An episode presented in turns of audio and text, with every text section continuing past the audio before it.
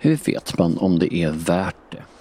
Allt slit, allt man inte hinner, allt krångel med personal, allt tjafs med kunder som inte är nöjda, alla nätter som man inte kunnat sova för man är orolig när det ska gå åt helvete och alla nätter man inte får sova för att det är så mycket som ska göras.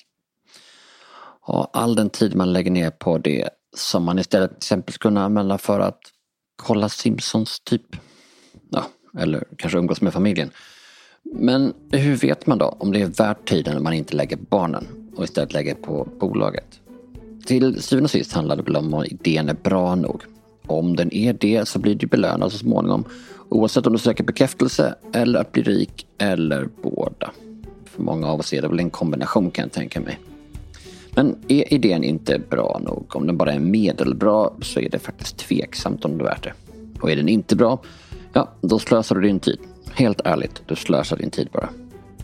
Och den här våren, när allt föll fritt efter corona och när jag efter några veckor kämpade för det här bolagets överlevnad så undrar jag det där extra mycket. Jag ska erkänna att jag både en och två gånger tänkte att vad skönt att det var att släppa skiten. Att bara ta steget bort från allt. Att låta saker gå som det går och så bara få sova istället. Vi heter vad vi vet, men under våren tänkte jag ganska många gånger inshallah. Om Gud vill.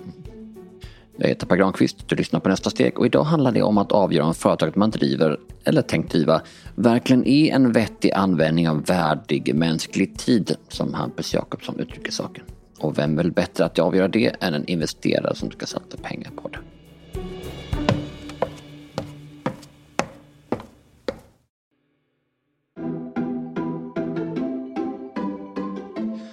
Att vara företagare är en livsstil och det är också så vi pratar om det. Man lever sin dröm, man förverkligar en vision och bla bla bla bla.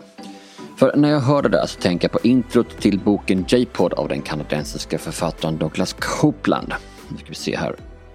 Hans böcker inleds ju ofta med random ord, allehanda windliners och så lite tankar som hänger ihop som en slags spoken word på papper-grej. Men jag har vikt ett hörn och ska försöka också översätta det här. Man hör alltid att man ska följa sin dröm, skriver Copeland. Men vad händer om din dröm är tråkig? De flesta människors drömmar är tråkiga. Vad händer om din dröm är att sälja roadside corn, alltså ha ett majsstånd vid sidan av vägen? Om du förverkligar det, skulle det innebära att du levde din dröm? Skulle människor uppfatta dig som en förlorare ändå? Och hur lång tid skulle du vara lycklig? Antagligen inte så länge, men då är det för sent att starta något annat. Då är du körd. Then you're fucked. Så hur vet man om det är för sent att starta något annat? I förra avsnittet, nummer 9, fick vi följa med Sofia Svantesson, hennes startup Elsa Science, från koncept i hennes huvud till kontanter på banken. Lyssna om du inte gjort det, det är faktiskt ett kanonavsnitt. Men du behöver inte lyssna. Hampus en av de som investerade i det bolaget är Hampus Jakobsson och du hörde honom tvärsåga Sofias första pitchdeck i det där avsnittet. Vet du inte vem han är så spelar det ärligt talat ingen roll. Men du kan veta så mycket som att han startat några bolag, sålt några bolag och sen investerat i en massa bolag. Och att han idag är verksam som affärsängel i Malmö och där får han varje vecka mängder av pitchar. Hon håller på att bygga ett Patient Participatory Program som heter E.L.S.A och redan där känner jag bara, åh nej, varför hon, vad är det här med punkter? Och han är känd för att vara ärlig. Eller kortsiktigt elak som han själv säger. Men problemet är att ibland kan man vilja vara lite snäll. Jag inklusive. Och det är ju väldigt dumt. Jag tror att man kan välja att vara kortsiktigt snäll, långsiktigt elak. Och det är väldigt många som är det som inte vill vara taskiga och då är de ju långsiktigt taskiga.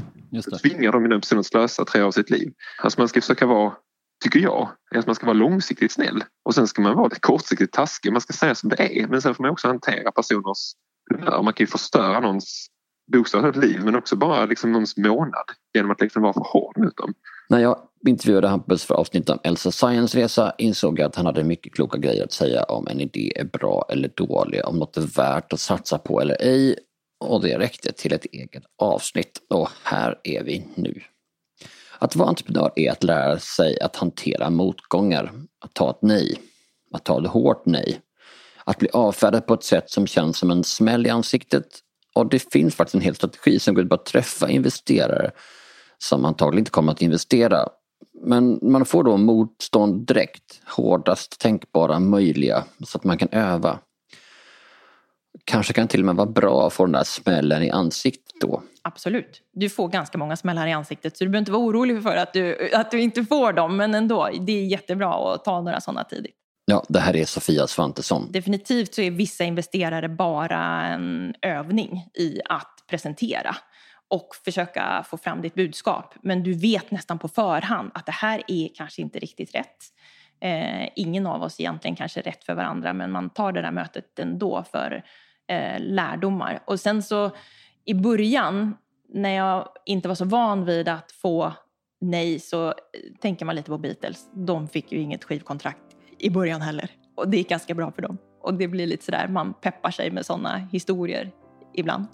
When I find myself in times of trouble Mother Mary comes to me Speaking words of wisdom, let it be J.K. Rowling är ett fantastiskt modernt exempel alltså som är tänkt så sjukt många gånger skicka in Harry Potter. Och jag vet, det är jätteroligt om du läser på baksidan av första Harry Potter-boken så ser man ju hur lite de trodde på den här alltså boken. Den är liksom beskriven är riktigt sorglig. Man känner hur de bara ja, en pojke med speciella förmågor. Alltså man känner bara att gud vad speciellt. De såg liksom inte den här diamanten i det. Och de var ju ändå de som sa ja. Tänk så många som sa nej innan dess. Liksom. Det är ju verkligen det man ska påminna sig om. Sen ska man inte ta det som ett kvitto på att bara för någon säger nej, liksom nej till en så betyder det att man kanske har rätt. Utan jag tror att det stora tricket där det är ju att hur vinner man styrka av alla liksom nej? Det härligaste är att få reda på varför någon säger nej. Att pitcha sin idé är dessutom allt annat än enkelt, säger Hampus och förklarar. Alltså det som är så svårt med pitchning också det är att det är ju inte samma sak som du säger som jag hör. Alltså det, det är det som är så svårt med det också, att du tycker att det, liksom, att det låter så bra men jag hör inte det. Jag brukar likna det vid att du tar liksom och säger låt mig trumma en sång för dig så ska du se om du kan gissa den. Och så sätter du dig och börjar trumma med fingrarna på bordet och så säger du vilken sång är det jag trummar? Och så säger jag bara Behöver vi ta larm? Jag vet inte. Och du bara, men hör du inte att det är knock knocking on heaven's door? Nej, men du hör ju gitarren, du hör ju basen, du hör ju pianot i huvudet.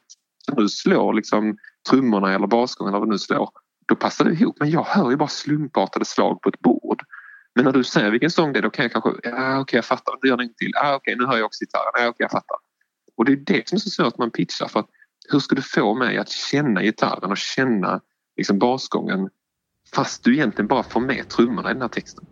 Och tanken är väl att pitchdecken kommer in här som noter. En nedtecknad version av affärsidén, av vem som fakturerar vem och varför och hur snabbt man vill växa. Men precis som folk skriver musik på olika sätt bygger man förstås också bolag på väldigt olika vis. Alltså olika människor bygger ju bolag på olika sätt. Alltså olika människor bygger ju vad som helst. Alltså olika människor ritar ju på olika sätt och skriver texter på olika sätt och sådär. Och vilken idé man har varierar ju också förstås jättemycket. Det kan handla om att lösa problem som folk har att förstå världen och aktuella händelser, vilket är det jag jobbar på. Eller så kan det handla om att sälja majs vid vägen för att lösa problemet med att förbipasserande är hungriga. Så problemet man försöker lösa kan variera och Hampus har en tankemodell för att avgöra potentialen. Så är det här problemet stort nog i alltså smärta gånger antal personer för att annars ska man liksom inte tjäna pengar på det. Man kan liksom inte bygga ett bolag om det är så att sex pers har problemet och det är allt. Och det kommer inte bli så mycket mer. Eller man kan inte heller, göra, man kan inte heller lösa ett problem om det är så att två miljoner har det men det är verkligen inget stort problem. Utan det måste liksom vara smärta gånger antal som måste vara rätt så stort. Den kan jag tänka mig att lägga liksom en kvart på men inte mycket mer. Och så när jag liksom lagt en kvart på att tänka på den då vill jag tänka ganska mycket hur gräver vi grunden till det här huset? Och jag vill inte diskutera sådana jävla med arkitektplaner längre. Därför att jag känner ganska snabbt att om man kommer in med en McKinsey-konsult med top-down analyser och man kan tänka någonting till döds. Hampus tror på planer men han tror inte på detaljplanering. En av mina största lärdomar när man bygger bolag det är liksom att alltså, ingenting blir hur du har planerat ändå. Jag upplever väldigt många startups eller projekt så här. Det är mycket mer som att vara fallskärmsjägare än att liksom vara en schackpjäs. Liksom att det är inte det att du har regler framför dig och du, du vet vad du ska göra, du bara går ett steg framåt och du kan räkna ut. Utan du landar bakom fiendens linjer och du har typ ingen aning. Och du har ett stort mission som är att du ska spränga den här fabriken eller vad det är och det vet du.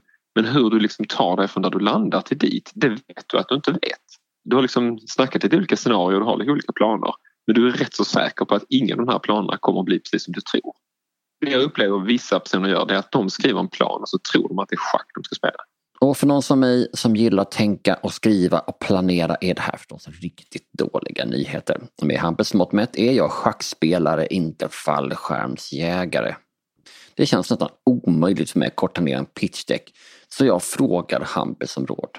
Jag behöver nämligen förändra mitt förhållande till det inser jag det är ju väldigt, väldigt svårt att göra någonting att se enkelt ut. Alltså det vet man ju om. Alltså, och när jag tittar på en pitchdeck som är bra gjord då vet jag att det är liksom för varje timme som jag ser i den däcken, alltså du vet den här sliden som kanske tagit 20 minuter att göra, så är det ju 10 en faktor 10 timmar som ligger under den där sliden. Som är liksom den där långa, långa texten eller den där långa, långa blyertsskisserna eller hur du nu tänker. Alltså alla människor tänker på olika sätt. Liksom. Jag skriver ju alltså jag skriver ju så sjuka mängder och jag mindmaps och grejer.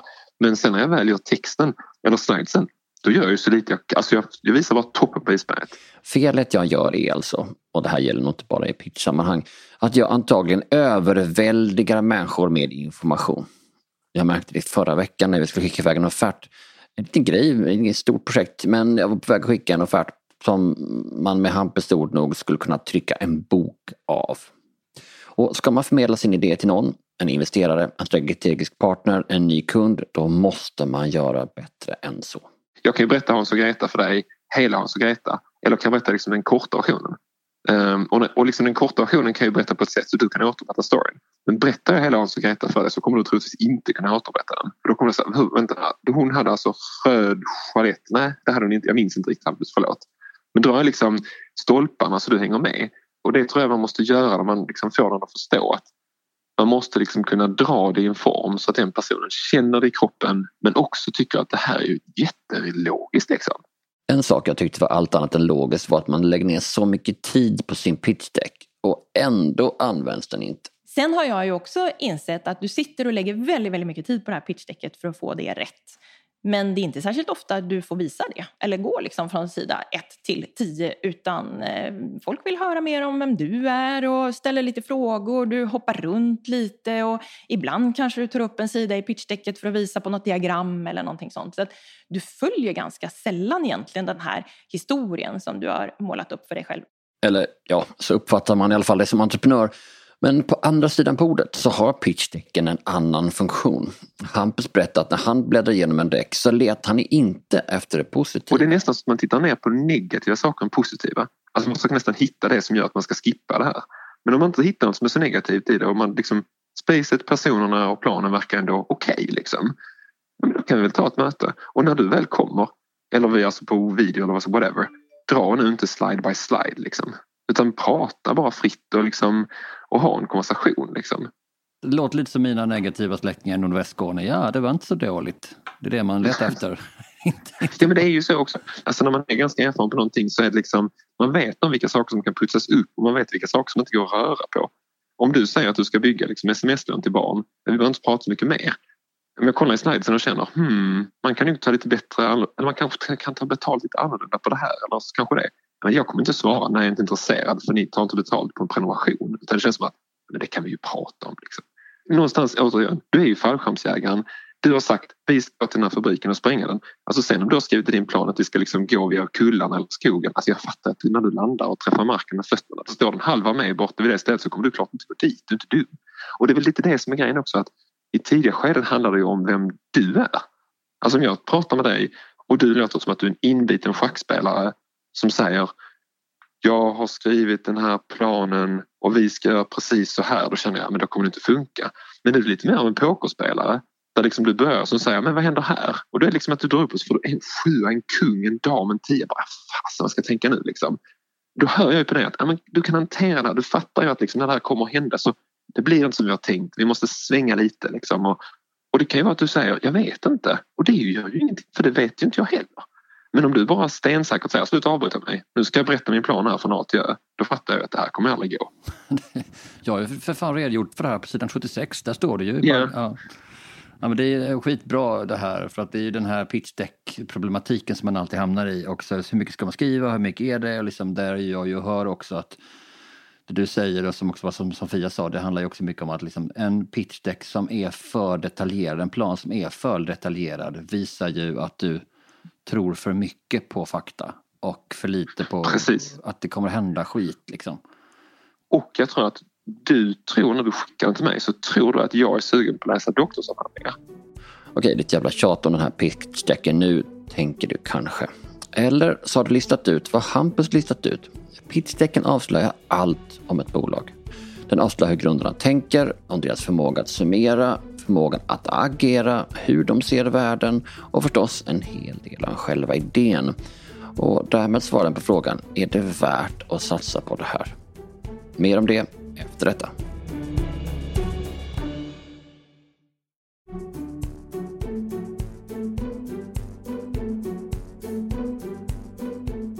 Jag brukar fråga folket hur man här känner till Twitch.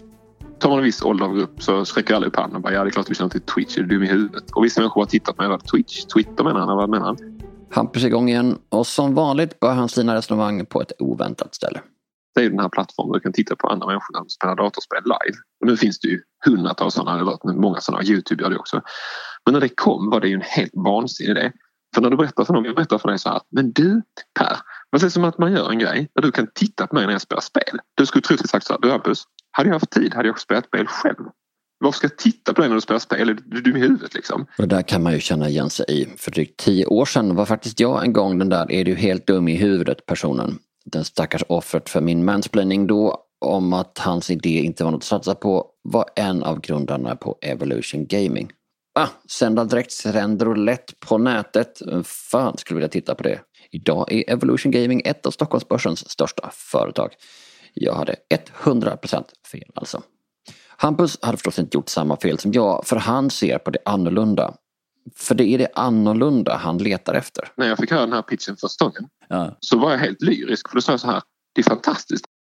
Och nu talar han alltså om Twitch igen. Tänk så människor som tittar på fotboll eller tennis eller vad som helst.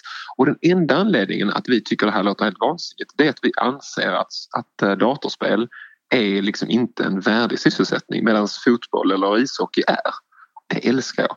För då är det så att alla som är i industrin kommer tycka det här är typ mot deras religion. De kommer säga nej men det är en jättedålig idé. Vem vill kolla på dem spela, spela datorspel? Medan när du tänker efter så vad är det egentligen som gör att jag tycker det här är en dålig idé?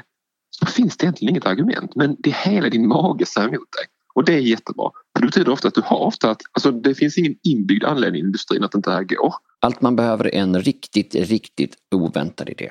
Något som inte ser klokt ut från början, som att sända roulette via webbkamera. Men något ingen riktigt tänkt på förut.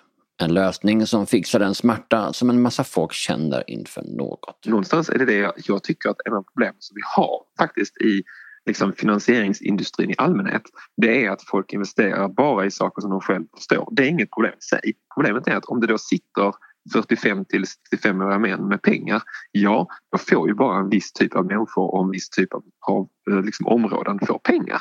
Och det är ju jätteirriterande. För det gör liksom om du är en ja, 33-årig kvinna som har precis fött två barn och tycker bröstpumparna är helt skit. Och så går du liksom, kommer fram till att vi borde bygga en ny bröstpump som är mycket, mycket smartare. Som, liksom, det är jättesmidigt och man kan ha den på kontoret och kolla här och smart. Liksom.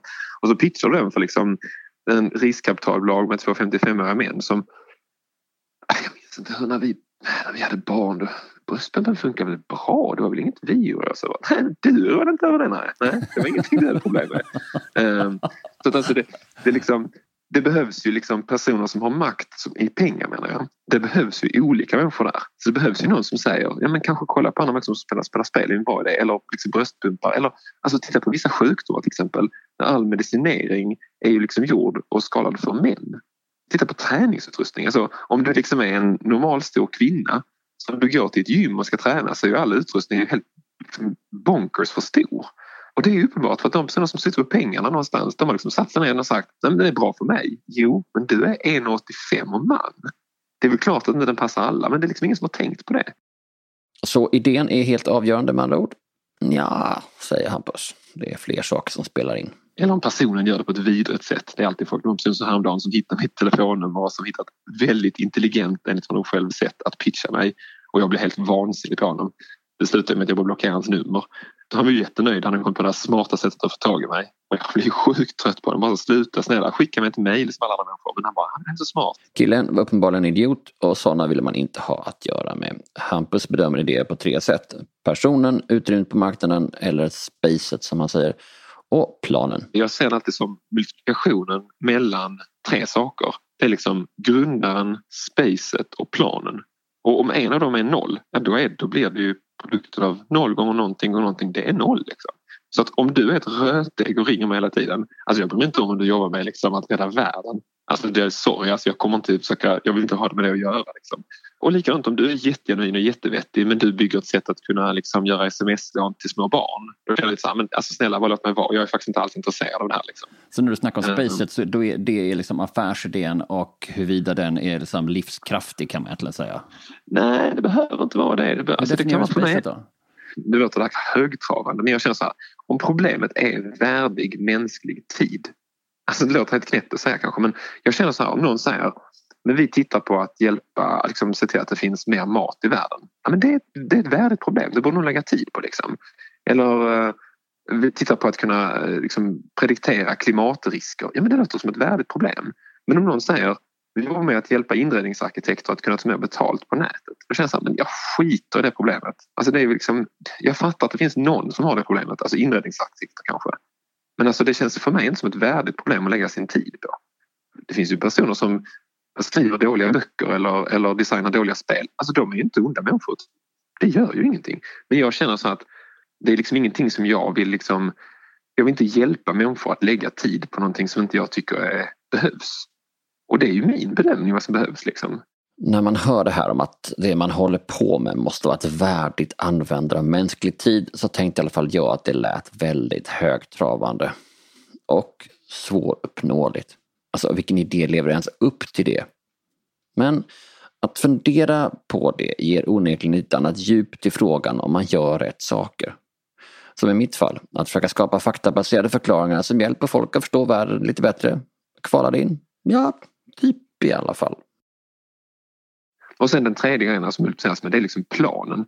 Man kan träffa ett bolag som är, kan jobba med att hjälpa föräldrar till barn som har cancer, att eh, liksom bygga community för man blir väldigt ensam som förälder om man har barn med cancer. Och personen jag träffar, ja men det här är en jättebra person, det här är jättehärligt liksom. Men planen känns väldigt konstig.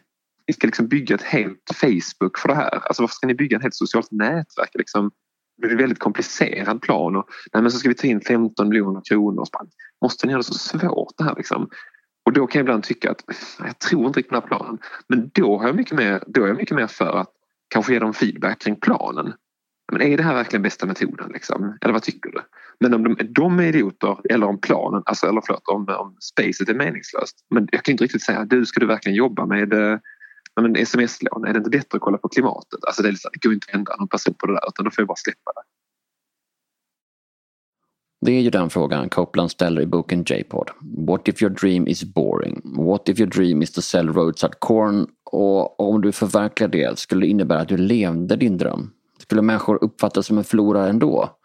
Och hur lång tid skulle du vara lycklig? Antagligen inte så länge. Men då är det ju för sent att starta något annat. Då är du körd. Jag funderar på om det var värt att fortsätta med vad vi vet när allt också mörkast ut höll vi också på att se om vi skulle kunna ta in pengar.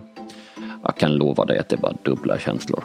Men att pitcha till mediebolag är inte det enklaste och jag fick höra några gånger att det här inte var ett VC-case. Alltså inte ett bolag som växer med 10x eller 100x på kort tid och ger jätteavkastning. Det här var superfrustrerande för vi heter vad vi vet, inte vad vi gissar och jag tyckte inte jag kunde säga till folk att ge mig pengar så garanterar jag det här. Hur som helst, jag tänkte då att det borde väl finnas något mellanting. Någonting mellan att försöka låna pengar på banken för att finansiera tiden innan man är lönsam. Lycka till med det förresten. Och att ta in tiotals miljoner och utlova tillväxt som på pappret liknar hockeyklubbor. När riskkapitalerna de vet ju ändå att vi faktiskt inte vet. Det där är också någonting som är jättelustigt tycker jag som är Ehm, det där med, för att om det är nu att det inte är ett tydligt VC-case. Det där är en sån grej som jag tycker är jätteirriterande att man inte bara kan säga det direkt. Om man säger så här, jag ska starta en kiosk och jag ska sälja liksom, ja, men kiosklagad mos i den kiosken och det kommer bli jättegott. Liksom. Och då säger någon VC, men det här känns inte VC-case. Alltså för det första är det jättebra för dig att höra det. Aha, okay då. Men då ska du direkt snurra om och fundera på vem vill investera i liksom kiosklagad mos? Och problemet är att någonstans har vi kommit till en värld nu när alla ska vara entreprenörer och alla ska vara egeninvesterare. Och då blir det jättekonstigt för då måste ju alla idéer bli hockeystick-idéer. Och vad händer om jag vill starta liksom en kiosklagad mosgrej? det är klart det måste gå att få pengar What för if det. your dream is to sell roadside corn? Exakt, ja precis. Jag ska nästan ta, jag glömde vilken gröda det var. Men jag skulle precis säga att då måste man ju bara snurra om det. Jag ska inte ta min idé och stoppa in den i en, liksom en riskkapitalidé. Utan jag ska istället fundera på vem är det jag ska ta in pengar från. Jag säger det ofta till människor så här. Bestäm dig liksom. Försöker du liksom bygga någon typ av Next Generation NGO eller alltså charity-verksamhet. Försöker du bygga ett företag eller försöker du bygga ett startup. 80 av de som startas de försvinner. Och de som lyckas de blir ju enorma. Men det betyder att de är i stort sett en, liksom en lott. Så idén får inte vara för... Alltså det får inte vara så här att liksom när du skalar upp idén så skalar du den liksom kiosklagad mos by, by kiosklagad mos. Liksom, för det tar för lång tid. Liksom. Det, får vara, det, måste vara, det måste gå att växa snabbare. Men det i företag har ju inte alls de problemen. Du kan ju bara vara ett jättebra liksom, kiosk. Ja, men precis, och då är det kanske ängelpengar man är ute efter. Någon som tycker det, jag tycker det vore kul att ha riktigt bra mos i närheten. Och jag kan tänka mig att putta in lite pengar och sen som det blir lönsamhet någon gång i framtiden så fine. För så har man ju alltid gjort företag ända fram till hela liksom riskkapitalsvängen kommer igång där liksom 70-80-talet. Precis. Riktigt, liksom. Det som är bra där också, det kan ju vara att du vill både ha det för att du tycker att du, då kan du investera för att du tycker att den här typen av personer ska faktiskt få starta bolag. Och du tycker att jag vill gärna ha mos nära mig. Men du säger till liksom den här personen att det är viktigt för mig att alltså, du måste tjäna pengar för att jag kommer att stoppa in pengar varje år. Alltså jag, någonstans, det är liksom ingen bidragsverksamhet utan du måste ha en plan så att någonstans går runt. Men mina förväntningar är liksom att det här går runt om kanske ett år. Så liksom, och sen så gör det ingenting som du puttrar på. Så länge liksom du kan betala din lön och potatisen och sådär så är det fint för mig. Liksom. Så frågan man borde ställa till en, en investerare för att veta om de är änglar eller om de är mer, mer av välgörenhetskaraktär eller om de är klassiska VC. Är det då helt enkelt liksom frågan om horisonten. När vill du ha tillbaka pengar? Eller till och med vill du ha tillbaka pengar? Är det viktigast att vi löser problemet än att, eller att få tillbaka pengarna? Det är en fråga som jag tycker är ganska viktig. Och så nästa grej är, vill du hellre ha tillbaka två gånger pengarna om ett år? Eller vill du kanske ha hundra gånger pengarna eller 50 gånger pengarna eller någonting om tio år? Och liksom, det finns ju personer som säger för att två gånger pengarna om ett år så är jag jätteglad. Okej, okay. jag är en person som jag vill inte ha två gånger pengarna. Jag vill inte det. Utan jag, vill, jag, vill, jag, vill liksom, jag tycker det är kul att folk ändrar världen och det kommer att ta tid. Och för mig är det oftast viktigare att man löser problemet än att nödvändigtvis typ det blir pengar av det. Men jag vill ju att idén funkar ekonomiskt. Alltså, jag tror på att man kan inte lösa ett problem bra om inte man kan ta betalt för det. Nej, nej just det. Och det gör ju också att annars är du inte ängel utan du är bara sucker. Jag kan ju donera pengar till saker. Jag donerar ju pengar jättegärna till liksom, vad det, är, Wikipedia Foundation eller whatever. Men då donerar jag det för att, alltså det är för att det är en common good som borde finnas. Alltså det är en infrastruktur. Jag betalar ju skatt liksom. Det är bara det av någon idiotisk anledning så betalar Sverige inte skatt i Wikipedia. Vilket de borde betala för att hur många svenskar använder inte Wikipedia? Det borde bara ingå i skattesatsen. Vi borde bara alltid betala pengar till det. Och så därför så ibland så får man säga, ja, då får väl jag själv donera till det här. Liksom, för att jag vill att det ska finnas liksom. Det är en svag pitch kan man tycka men samtidigt som när du berättar så här så kan, man också, kan jag också se att det skulle kunna vara en stark pitch. Hej, jag vill ha dina pengar för det jag gör är så jävla viktigt att det borde finnas. Min filosofi är om idén inte borde finnas, varför lägger du då tid på den? För att någonstans kan jag också säga så här, det är så fruktansvärt svårt att bygga bolag och det är så fruktansvärt smärtsam upplevelse. Det är så himla många som tror att om två, tre år så kommer det här liksom ha ett bra bolag, så kan vi sälja det och sen efter det så kan jag bygga den där andra grejen som jag kanske egentligen bygga. Alltså jag vet inte hur många gånger jag får något mejl där någon säger detta är garanterat tio gånger pengarna på tre år. Och alltså jag, jag sitter där och bara känner mig ledsen liksom när jag säger det. För att, alltså det finns ingenting som är garanterat tio gånger pengarna på tre år. Alltså det finns inget sånt. Och att skriva det är liksom så otroligt verklighetsfrånvarande. Um, så jag vill mycket hellre ha någon som säger ja men det är 10 sannolikhet att det här blir jättestort. Ja men det, det håller jag med om. Alltså det, det, det kan det bli liksom. Um, och det är, liksom, det är så tröttsamt när folk säger det där att det är garanterat pengarna. Ett annat sätt att veta om det var värt det är att undvika att misslyckas med bolaget. Och det kan man göra på fler än ett sätt, säger Hampus. Det finns fyra sätt att misslyckas med ett bolag tycker jag.